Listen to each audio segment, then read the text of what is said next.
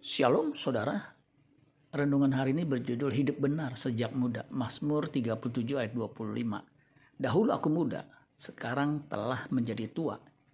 Tetapi tidak pernah kulihat orang benar ditinggalkan. Atau anak cucunya meminta-minta roti. Terjemahan bahasa Indonesia masa kini mengatakan begini, Mazmur 37 ayat 25. Sejak aku muda sampai sudah tua, tak pernah kulihat orang baik ditinggalkan Tuhan atau anak cucunya menjadi peminta-minta.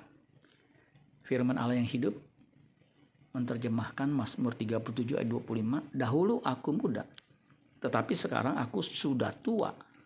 Sepanjang umurku belum pernah aku melihat Tuhan meninggalkan orang yang mengasihi dia atau melihat anak-anak orang saleh menderita kelaparan.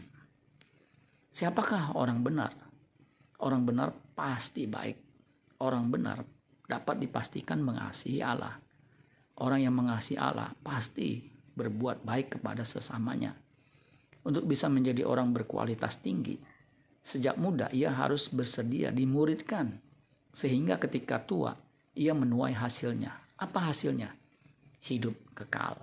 1 Korintus 2 ayat 9. Tetapi seperti ada tertulis, apa yang tidak pernah dilihat oleh mata dan dan tidak pernah didengar oleh telinga dan yang tidak pernah timbul dalam hati manusia semua yang disediakan Allah untuk mereka yang mengasihi Dia.